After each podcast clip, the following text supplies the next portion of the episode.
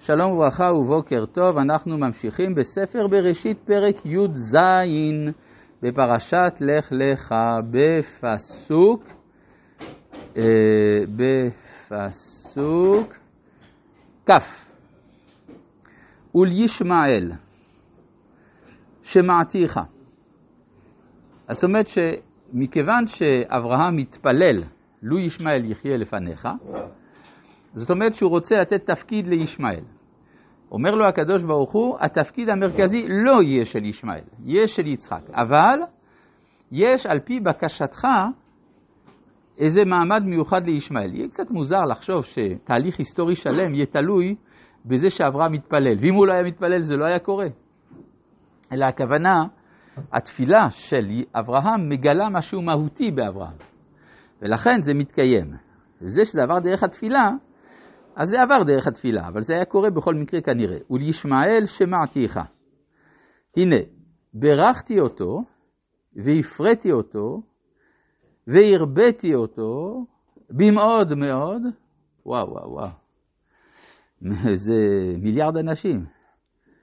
12 נשיאים יוליד, ונתתיו לגוי גדול. כן, יש אה, גמטריה שהרמב"ם דוחה בתוקף. במאוד מאוד בגמטריה מוחמד.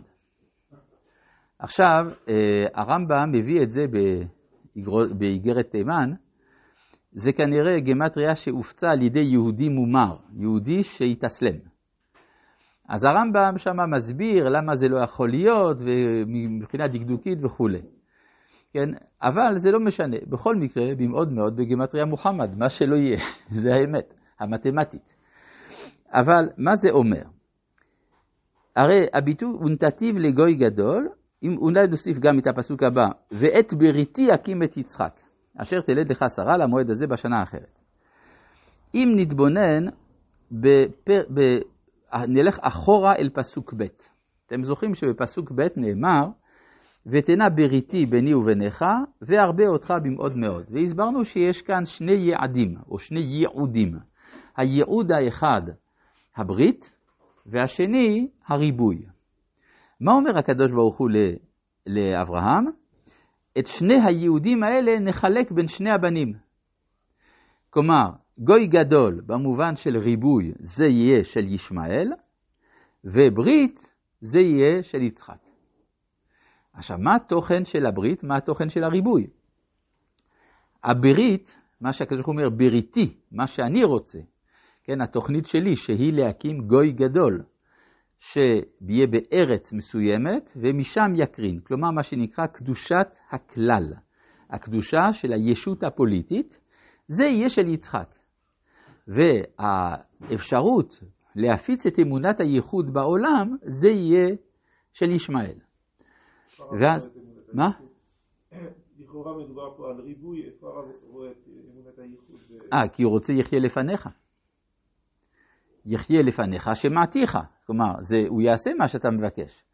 ואיך אני אתן לו את הכלים לעשות מה שאתה מבקש, שזה יחיה לפניך, על ידי הריבוי. עכשיו, זה לא אומר שהם עשו את זה בצורה הכי נכונה שיכולה להיות, יש לנו כמה השגות על האופן שבו זה נעשה.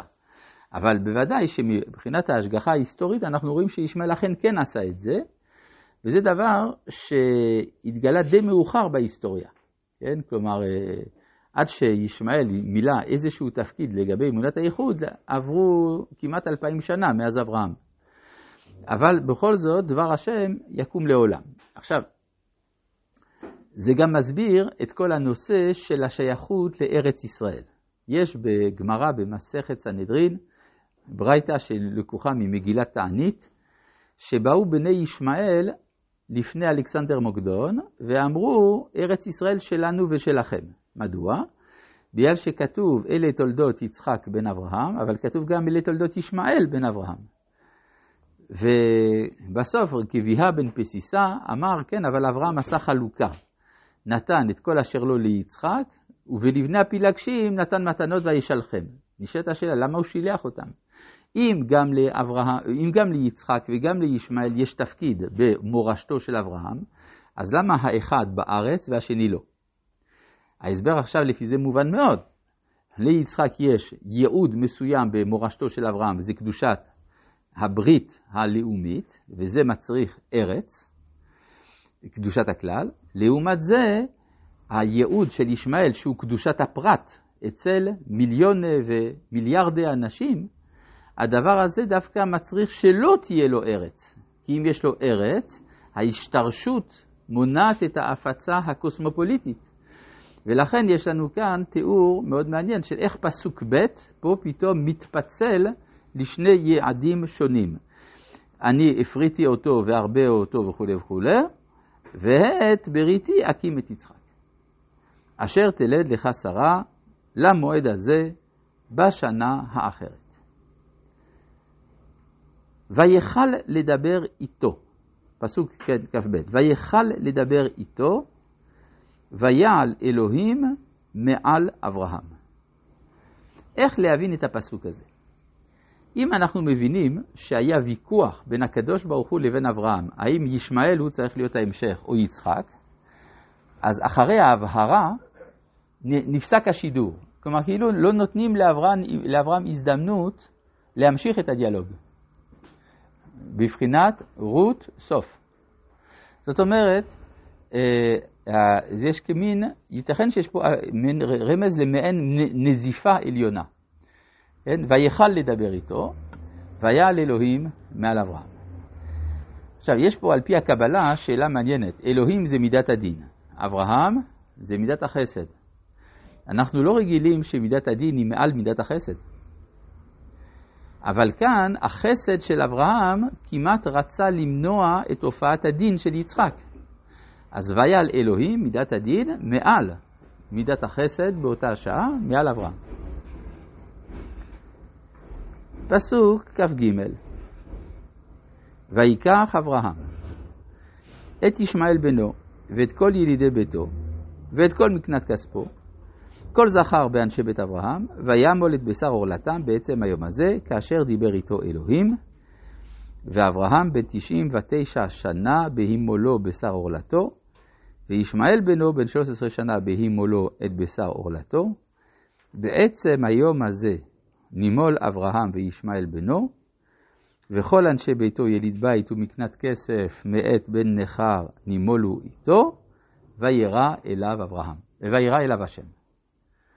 זאת אומרת, אתם זוכרים שבתחילת הפרק נאמר שהשם נגלה אל אברהם, ואז אה, מיד לאחר מכן מדבר איתו אלוהים, ויפול אברהם על פניו, וידבר איתו אלוהים לאמור. אז למה? בגלל שהשם אמנם רוצה להתגלות, אבל אברהם עדיין ערל. כיוון שהוא ערל יש עיכוב בהופעת שם הוויה. אבל כאן כתוב שהוא עושה כאשר דיבר איתו אלוהים, נימול וירא אליו השם.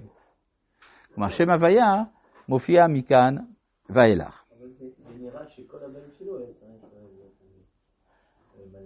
נו, ודאי, זה לא נראה, זה באמת ככה.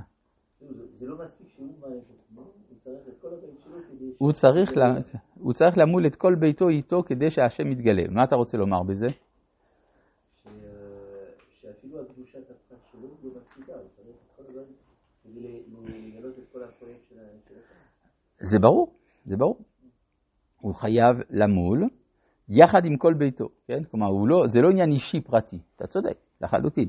רק צריך להבין שבמושגים של אותם הימים, העבדים וכל ביתו זה הוא, בסופו של דבר. כן? ואז יש כאן שינוי עצום, וירא אליו השם. נשאלת השאלה, איך יכול להיות שנראה אליו השם? הרי הכתוב אומר במפורש, מאוחר יותר, כי לא יראני האדם וחי. אז איך פתאום וירא אליו השם? עכשיו, יש פה גם דבר מעניין. בדרך כלל כשכתוב וירא אליו השם, כתוב בשביל מה הוא נראה. ויאמר אליו כך וכך. כאן וירא אליו השם והוא לא אומר לו כלום. כלומר, זה מדרגה עליונה של עצם המפגש עם האלוהות, זה למעלה מכל המדרגות. אבל נשאלת השאלה, למה אה, איך יכול להיות וירא אליו השם? השאלה הזאת נשאלת גם כשהסיפור הזה מסופר שוב בספר שמות. ואירע אל אברהם, אל יצחק ואל יעקב. ורש"י אומר לנו שם, ואירע אל האבות. האבות זה אברהם, יצחק ויעקב. אלא הכוונה של רש"י, שמכיוון שהם היו אבות, הם היו ראויים לגילוי הזה